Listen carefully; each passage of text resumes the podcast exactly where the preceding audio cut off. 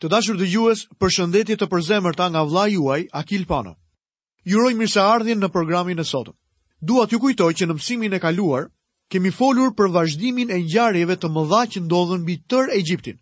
Të gjitha këto ngjarje ndodhën sepse Perëndia donte të nxirrte popullin e tij jashtë nga skllavëria në të cilën populli i tij ndodhej.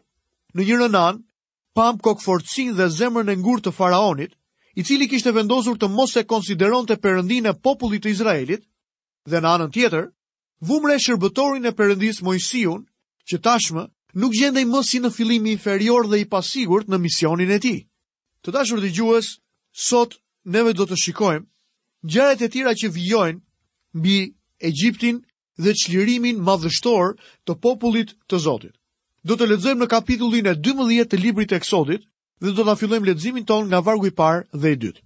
Por më parë më duhet të theksoj se kapitulli i 12 i librit të Eksodit shënon dhe kulmin në librin e Eksodit. Këtu gjejmë institucionin e festës së Pashkës. Është një tablo e asaj që apostulli Pal flet në dhjatën e re në letrën e parë të Korintasve, kapitulli 5 dhe vargu i 7. Ai thotë, sepse pashka jonë që është krishti, u flijua për ne. Të dashur dëgjues e pra krishti, ndodhet edhe në këtë kapitull të dhjatës së vjetër. Le të lexojmë pra kapitullin e 12 vargun e parë dhe të dytë. Zoti u foli Mojsiut dhe Aronit në vendin e Egjiptit, duke u thënë, Ky muaj do të jetë për ju, muaji më i rëndësishëm do të jetë për ju muaji i parë i vitit.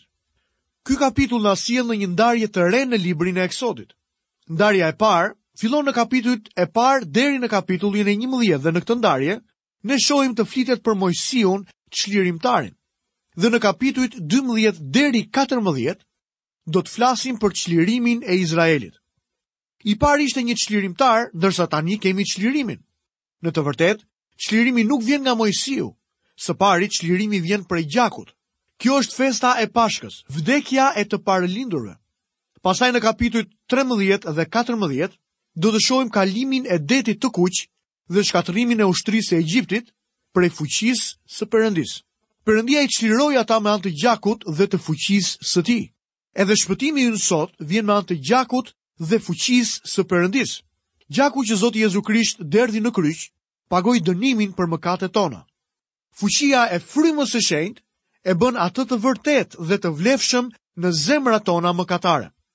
Profeti Zakaria në kapitullin e 4 dhe vargun e 6 thotë: Jo për fuqinë dhe as për forcën, por për frymën time, thotë Zoti i ushtrive. Shpengimi është vepra e Zotit Jezus në kryq për ne dhe vepra e frymës së shenjtë në ne. Vargu i parë dhe i dytë i këtij kapitulli tregojnë për lindjen e një kombi. Kur Izraeli hyri në Egjipt, ai ishte si një familje. Kur doli nga Egjipti, ishte si një komb. Është interesante që Perëndia vë theksin mbi familjen. Sepse familja përmban tullat prej të cilave u ndërtua edhe kombi. Ju e mbani mend se si faraoni i detyronte izraelitët të bënin tulla pa kashtë. Gjatë gjithë kohës që Izraeli ishte në skllavëri, Perëndia i bëri ata prej kashtës së secilit individ, tullat e familjes për ndërtimin e kombit. Një thënie e vjetër thotë, Nuk ka komb të fortë nëse nuk ka familje të forta. Ora zero për Izraelin ka tronditur. Në këtë kapitull, fillon dhe numërimi mbrapsht për daljen e bijve të Izraelit nga Egjipti. Le të shohim vargjet e mëposhtme të cilat flasin për institucionin e festës së Pashkës. Lexojmë vargun e tretë.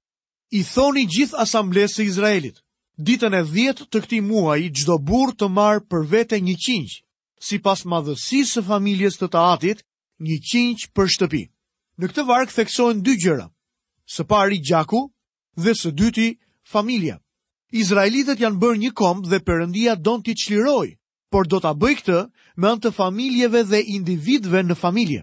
Në çdo shtëpi duhej therur një qengj. Sigurisht që qengji flet për gjakun me të cilin do të lyhen arkitrarët e dyerve. Lexojmë më poshtë vargun e katërt. Por në qoftë se shtëpia është tepër e vogël për një qengj, le të marrë një së bashku me fqinjin më të afërt, duke llogaritur numrin e personave. Ju do të përcaktoni sasinë e qengjit të nevojshëm në bazë të asaj që çdo njëri mund të hajë. Ky varg nuk thotë ndonjë gjë për qengjin që është tepër i vogël për shtëpinë. Kjo nuk mund të ndodhë kurrsesi. Qengji ishte i mjaftueshëm. Megjithatë, ka mundësi që shtëpia të jetë shumë e vogël për qengjin. Perëndia tregon interes për çdo anëtar të familjes. Çdo familje duhet të kishte një qengj. Por çfarë duhej të bënin një burrë e një grua pa fëmijë ose që i kishin fëmijët të martuar dhe nuk jetonin me ta? Atëherë ky çift duhej të bashkohej me një fqinj që ishin njësoj si ata dhe të ndanin një qengj midis tyre. Çdo individ në secilën prej familjeve duhet të marrë një pjesë prej qengjit. Festimi i festës së Pashkës duhet të jetë një çështje private dhe personale. Është shpengim për kombin, por përqendrohet tek familja. Duhet të merret dhe të pranohet nga çdo anëtar i familjes. Pashka është një çështje familjare. Perëndia po prezanton mënyrën operuese me anë të së cilës ai do t'i shpëtojë individët.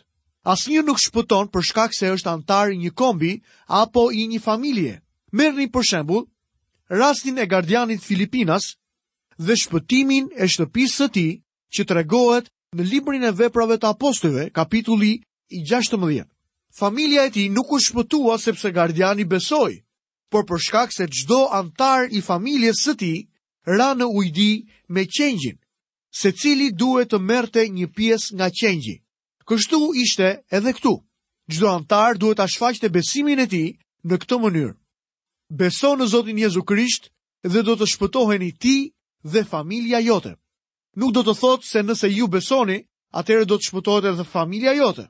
Jo, familjes tënde do t'i duhet të besojë tek Jezu Krishti dhe pastaj Ata do të shpëtohen, secilit do t'i duhet të marrë pjesë në të në mënyrë që të hyjë nën mbrojtjen dhe shpengimin e gjakut që ndodhet mbi arkitrarët e shtëpisë. Kjo është një natë fatale për Egjiptin. Plaga e fundit do të zbresë mbi njerëzit. Izraelitët në vendin e Goshenit shpëtuan nga tre plagët e para dhe populli i Perëndisë u çlirua nga gjykimi, por megjithatë, ata nuk ishin shpenguar ende. Tani atyre u duhet të shpengohen dhe ta shfaqin besimin e tyre të vendosur në gjak. Lexojmë vargun e 7. Qengji juaj duhet të jetë pa të meta, mashkull motak. Mund të merrni një qengj ose një kec. do ta ruani deri në ditën e katërmbëdhjetë të këtij muaji dhe tërë asambleja e popullit të Izraelit do ta therë atë në të ngrysur. Kjo pjesë e shkrimit është mjaft interesante. Vini re që çdo familje kishte një qengj. Atë mbrëmje duhet të ishin therur me mijëra qingja, por në vargun e gjashtë lexojmë: Izraeli do ta therë atë në mbrëmje. Këta shumë qingja po flisnin për një qengj tjetër. Perëndia i shihte të gjithë këta qingja si ai qengji i vetëm, Zoti Jezu Krisht, i cili ishte Pashka e ofruar për ne. Kjo festë tregonte për ardhjen e Zotit Jezu Krisht në botë. Pastaj do të marrin nga ai gjak dhe do ta vënë mbi dy shtalkat dhe mbi arkitraun e shtëpive ku do të hanë. Bijtë e Izraelit duhet të lyenin dyert nga jashtë me gjakun e qengjit. Kur engjëlli i vdekjes ta shihte gjakun, ai do ta linte pas shtëpinë. Mendoj se këtu jepet një tablo që do t'i japë përgjigje pyetjes që bëhet shumë herë. Çfarë do të ndodhë me fëmijët e vegjël të besimtarëve në kohën e rrëmbimit në qiell? Nëse të vegjlit janë në shtëpi në kohën kur Zoti do të vijë për të marrë të vetët, a do të marrë ai mamin dhe babin dhe t'i lërë fëmijët? Ky kapitull na tregon se Perëndia nuk do t'i lërë fëmijët e vegjël. Brenda në shtëpi, familjet janë duke ngrënë qengjin dhe nëpërmjet besimit, ata po marrin pjesë nga Krishti. Të vegjlit nuk e dinë se çfarë po ndodh. A do të ngelen ata në Egjipt kur Izraeli të dalë nga ai vend? Nëse një fëmijë nuk ka arritur akoma moshën e pjekurisë, A do të vritet ai? O jo gjaku e mbulon secilin në familje. Perëndia nuk do t'i lërë fëmijët e vegjël në kohën e rrëmbimit në qiell, ashtu siç nuk i la kur izraelitët u shpenguan dhe u larguan nga vendi i Egjiptit. Lexojmë vargun e 8. Do të hanë mishin e pjekur në zjarr, po atë natë. Do ta hanë atë me bukë pa maja dhe me barishte të hidhura. Çdo udhëzim që i përkiste kësaj feste kishte një kuptim dhe një mesazh të veçantë. Ky varg flet për bashkësinë e familjes. Familja e festonte Pashkën së bashku. Dua të them, diçka që do të shkaktojë reagime të nxehta. Sot në programet e organizuara mirë të kishës, ne i vendosim të vegjlit tanë në një vend të caktuar, pak më të rriturit në një vend tjetër dhe më të rriturit në një vend tjetër. A nuk e dëgjoni Moisiun që u thotë izraelitëve t'i çojnë foshnjat e tyre në çerdhet e pallatit të faraonit, sepse atje u rrit edhe ai, pastaj ai mund t'u thotë atyre t'i çojnë të vegjlit në fushën e volejbollit, e tjerë. Mund t'ju them se shumë fëmijë mund të kishin humbur atë natë gjatë eksodit. Riti i pashkës ishte një çështje familjare dhe kam frikë se kishat sot nuk veprojnë mirë që i ndajnë familjet. Familjet duhet të qëndrojnë së bashku në kishë. Kur isha predikues i ri, Kisha takime në shumë kisha nëpër fshatra, prandaj ajo ishte koha më e bukur e jetës sime. Në mbrëmje filloja t'u predikoja familjeve që kishin fëmijë me vete. Nëna e mbante fëmijën në krahët e saj për ta qetësuar dhe unë mësoja të flisja me ta. Nëse nuk mund të flas me një fëmijë 6 muajsh, diçka patjetër që nuk shkon. Kështu mësova të predikoja mbi ta. Pastaj fëmijën fillonte ta zinte gjumi dhe e ëma shkonte në fund të kishës dhe e vendoste në një paletë. Kthehej dhe ulej me të shoqin dhe me dy ose tre fëmijët e tjerë. Nënat do të fillonin ashtu si kokoshkat, të ngriheshin ngado nëpër asamble, i vendosnin fëmijët e tyre në paletë dhe ktheheshin për t'u ulur me familjet e tyre. Kështu ndodhte çdo natë. Një anëtar i kishës më tregoi për një predikues që kishte mbajtur takime në kishë rreth një viti më parë. Ai i tha bashkësisë se ishte një predikues më i madh se apostulli Pal. Ai ndaloi për një çast sepse e dinte se njerëzit do ta pyesnin. Unë jam një predikues më i madh se Pali, sepse ai predikonte deri në mesnatë dhe vetëm një person e zinte gjumi. Ende nuk kanë kaluar 30 minuta që predikoj, dhe një duzinë njerëzish po flenë gjumë. Po të jetë kështu, edhe unë jam një predikues i madh. Këto kisha të vogla fshati nuk ishin të organizuara mirë, por prej tyre dilin shenjtorë të mrekullueshëm të Perëndisë. Unë nuk kam ndonjë besim në turmën revolucionare që zapton kishat tona sot. Kemi gabuar miq. Modeli i Perëndisë ishte i përqendruar tek familja dhe ne sot jemi larguar shumë këtij modeli. Në këtë varg na thuhet gjithashtu se ata duhet të hanin mishin e qengjit të pjekur në zjarr. Zjarri përfaqëson gjykimin. Duhet të ketë gjykim për mëkatin. Qengjin duhet ta hanin me bukë pa maja. Majaja përfaqëson mëkatin dhe buka pa maja përfaqëson Krishtin si ai me të cilin duhet të ushqehemi. Ata duhet ta shoqëronin këtë ushqim me barishte të hidhura. Edhe pse këtyre barishteve u janë bashkangjitur shumë kuptime, besoj se në këtë moment do të thotë se përvoja jonë nuk do të jetë gjithmonë e ëmbël, pasi ta kemi pranuar Jezu Krishtin si shpëtimtar. Barishtet e hidhura kalojnë me shpengimin. Le të lexojmë poshtë vargun e 9. Nuk do të hani fare mish të gjallë apo të zier në ujë. por të pjekur në zjarr me kokën, këmbët dhe të brendshmet. Kjo sakrificë mund të hahej e gjallë sepse fliste për gjykimin e mëkatit në jetët e njerëzve, prandaj ajo kërkon sakrificë dhe zjarrin e gjykimit. Kur një person vjen te Krishti, ai vjen si mëkatar. Sakrifica nuk duhej të zihente në ujë. Kjo thjesht do të thotë se ne duhet t'i besojmë Krishtit dhe vetëm atij. Fatkeqësisht, ka shumë njerëz sot që i besojnë ujit për shpëtimin e tyre. Çdo gjë duhej të piqej dhe ky ishte gjykimi i zjarrit. Le të lexojmë më poshtë në vargjet 11 dhe 12. Do ta hani në këtë mënyrë, ijengjeshur, sandalembathur dhe me bastunin tuaj në dorë. Do ta hani me nxitim se është Pashka e Zotit. Atë natë, unë do të kaloj nëpër vendin e Egjiptit dhe do të godas çdo të parëlindur në vendin e Egjiptit, qoftë njeri apo kafshë, dhe do t'i jap hakun gjithë perëndive të Egjiptit. Unë jam Zoti. Miku im, kur vjen te Krishti, duhet të jesh ijengjeshur dhe të jesh gati të dalësh nga bota e të mos jesh më i përfshirë në të. Nuk e besoj që mund të kthehesh në besim dhe të vazhdosh të jetosh në një jetë mëkatare. Kjo nuk do të ndodhë se nuk do të ketë raste kur do të mëkatosh, por do të thotë se nuk do ta bësh zakon të jetosh në model mëkati. Kishim një shembull të njohur të një gruaje në shtetin e Los Angelesit, e cila drejtonte një dyqan likeri kur u kthye te Krishti. Më mori në telefon dhe më tha se nuk do të merrej më me biznesin e alkoolit, Ajo tha, Po të më thuash të marr një çekiç dhe t'i thyej të gjitha shishet në dyqan, unë do ta bëj. Por ajo jetonte me këtë biznes. I thashë ta shiste biznesin e saj. E shiti dhe sot është një e krishterë e mrekullueshme. Do të dalësh nga Egjipti nëse arkitrau i shtëpisë lyhet me gjak. Duhet ta hash qengjin e sakrificës i e ngjeshur gati për t'u nisur. Perëndia i kishte drejtuar plagët e tij në çdo kohë kundër perëndive kryesore të Egjiptit. Të gjitha perënditë kërkonin ofrimin e të parëlindurve. Tani perëndia po i drejton pushkët e tij kundër idhujve të Egjiptit. Lexojmë më poshtë vargun e 13.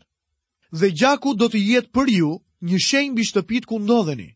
Kur unë të shoh gjakun do të kaloj tutje dhe nuk do të ketë plagë mbi ju për t'ju zhdukur, kur të godas vendin e Egjiptit. Izraelitët nuk shpëtuan se ishin fara e Abrahamit. Nëse edhe egjiptianët do t'i bindeshin urdhrit të Perëndisë, ata gjithashtu do të ishin shpëtuar. Perëndia thotë, kur të shoh gjakun, do të kaloj tutje. Asnjë nuk u shpëtua se po bënte më të mirën që mundej, sepse ishte i ndershëm apo se ishte person i mirë. Perëndia tha, Kur të shoh gjakun, do të kaloj tutje. Ata nuk duhej të dilnin nga shtëpia gjatë natës dhe ta shihnin gjakun. Duhej të kishin besim dhe siguri në të.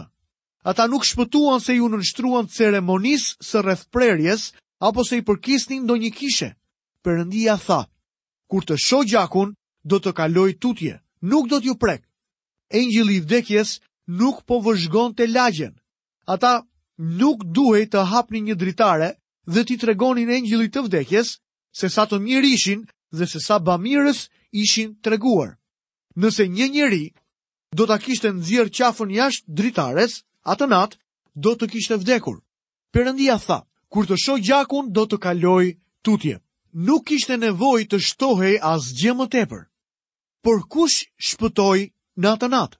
Ata që i besuan Perëndisë. Ata që i kishin spërkatur arkitrarët e shtëpive të tyre me gjakun dhe besuan në të. Edhe pse nuk e kuptoj plotësisht, e besoj atë që Perëndia thotë. Ai më tregon se asgjë tjetër nuk më shpëton përveç gjakut të derdhur të Jezu Krishtit. Perëndia tha se kur të shihte gjakun, do ta kalonte pa e prekur atë shtëpi. Gjaku nuk ishte ndonjë shenjë e mistershme apo besëtytnore. Në të gjithë Fjalën e Perëndisë shihet parimi se pa derdhjen e gjakut nuk ka falje të mëkateve.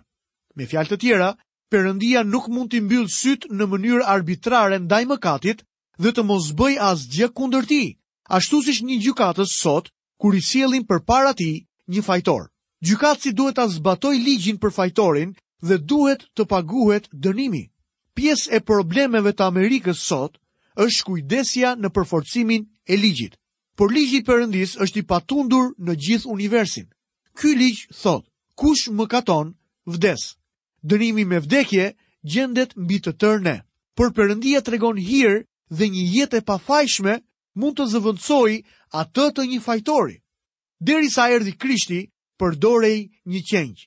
Pastaj Jezusi ishte qengji i Perëndisë që heq mëkatin e botës. Po ta pranojmë Krishtin, shpëtojmë nga gjykimi që meritojmë si mëkatarë. Tani atë natë në Egjipt vdiqën të paralindurit në çdo shtëpi të pambrojtur prej gjakut. Siç e kuptoni, lyerja e arkitrarëve dhe shtalkave të shtëpive ishte një shenjë që tregonte besimin e individëve. Kjo i jep përgjigje përvetësimit të një besimi personal në Krishtin. Më vonë pasoi festa e Pashkës. Në librin e Levitikut ka udhëzime për Pashkën dhe për festën e bukës së ndorme, e cila në të vërtetë ishte pjesë e saj, por festohej pas festës së Pashkës. Le të lexojmë më poshtë vargjet 14 deri në vargun e 16. Ajo ditë do të jetë për ju një ditë për t'u mbajtur mend dhe ta kremtoni si festë kushtuar Zotit. Do ta kremtoni nëpër kohëra si ligj të përjetshëm. Për 7 ditë do të hani bukë të ndorme. Ditën e parë do të kujdeseni të hiqni çdo maja nga shtëpitë tuaja, sepse kushdo që do të hajë bukë të mbrujtur nga dita e parë deri në të shtatën do të këputet nga Izraeli. Ditën e parë do të keni një mbledhje të shenjtë, dhe një mbledhje të shenjtë edhe ditën e shtatë. Të mos bëhet asnjë punë ato ditë, të përgatitet vetëm ajo që do të hajë secili dhe asgjë tjetër. Në të vërtetë, kjo nuk ka të bëjë fare me kalimin e engjëllit të vdekjes, nuk ka të bëjë aspak me shpëtimin e tyre. Kjo është një festë bashkësie për ata që ndodheshin brenda shtëpisë. Sigurisht që është një detyrë, sepse Perëndia e urdhëroi atë, dhe po ashtu është edhe një privilegj. Ata duhet të kenë bashkësi me Perëndinë. Lexojmë më poshtë vargun e 17. Do të kremtoni pra festën e të ndormeve, sepse pikërisht në këtë ditë bëra të dalin radhët tuaja nga vendi i Egjiptit. Do ta kremtoni pra këtë ditë nëpër kohëra si ligj të përjetshëm. Të gjithë izraelitët e hëngrën bukën e ndorme në marshimin nëpër shkretëtirë. sepse natën e Pashkës u dëbuan nga Egjipti. Kështu e hëngrën atë bukë për 7 ditë.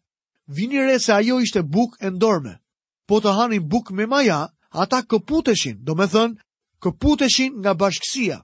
Majaja përmendet 8 herë midis vargjeve 14 deri 20. Le të lexojmë më poshtë vargun e 19 dhe vargun e 20. Për 7 ditë të mos gjendet maja në shtëpitë tuaja, sepse kushdo që do të hajë diçka të mbrujtur, do të këputet nga asambleja e Izraelit, qoftë ai i huaj apo i lindur në vend. Nuk do të hani asgjë të mbrujtur, në të gjitha banesat tuaja do të hani bukë të ndorme. Majaja është një parim i së keqes. Ajo përfaqëson atë që është e keqe dhe ofenduese. Në kapitullin e 13 të Mateut, Ka një shëmbëlltyrë për një grua që vendos maja në tre masa mielli. Majaja nuk është ungjilli, sepse majaja është një parim i së keqes. Tre masat e miellit përfaqësojnë fjalën e Perëndisë dhe majaja e keqja mbruhet në të. Është e mahnitshme kur sheh çfarë gabimesh u mësohen sot njerëzve dhe se sa shumë njerëz naivë i besojnë ato. Majaja është përzier në mësimin e fjalës. Të gjitha kultet apo teoritë përdorin Biblën, por me të përziejnë dhe doktrinat e rreme. Pikërisht këtë duhet të shmangin bijtë e Izraelit. Të dashur dëgjues, këtu kemi mbërritur dhe në fundin e programit të sotëm. Dua t'ju kujtoj që vazhdimin e këtij mësimi do ta ndiqni në programin e ardhshëm.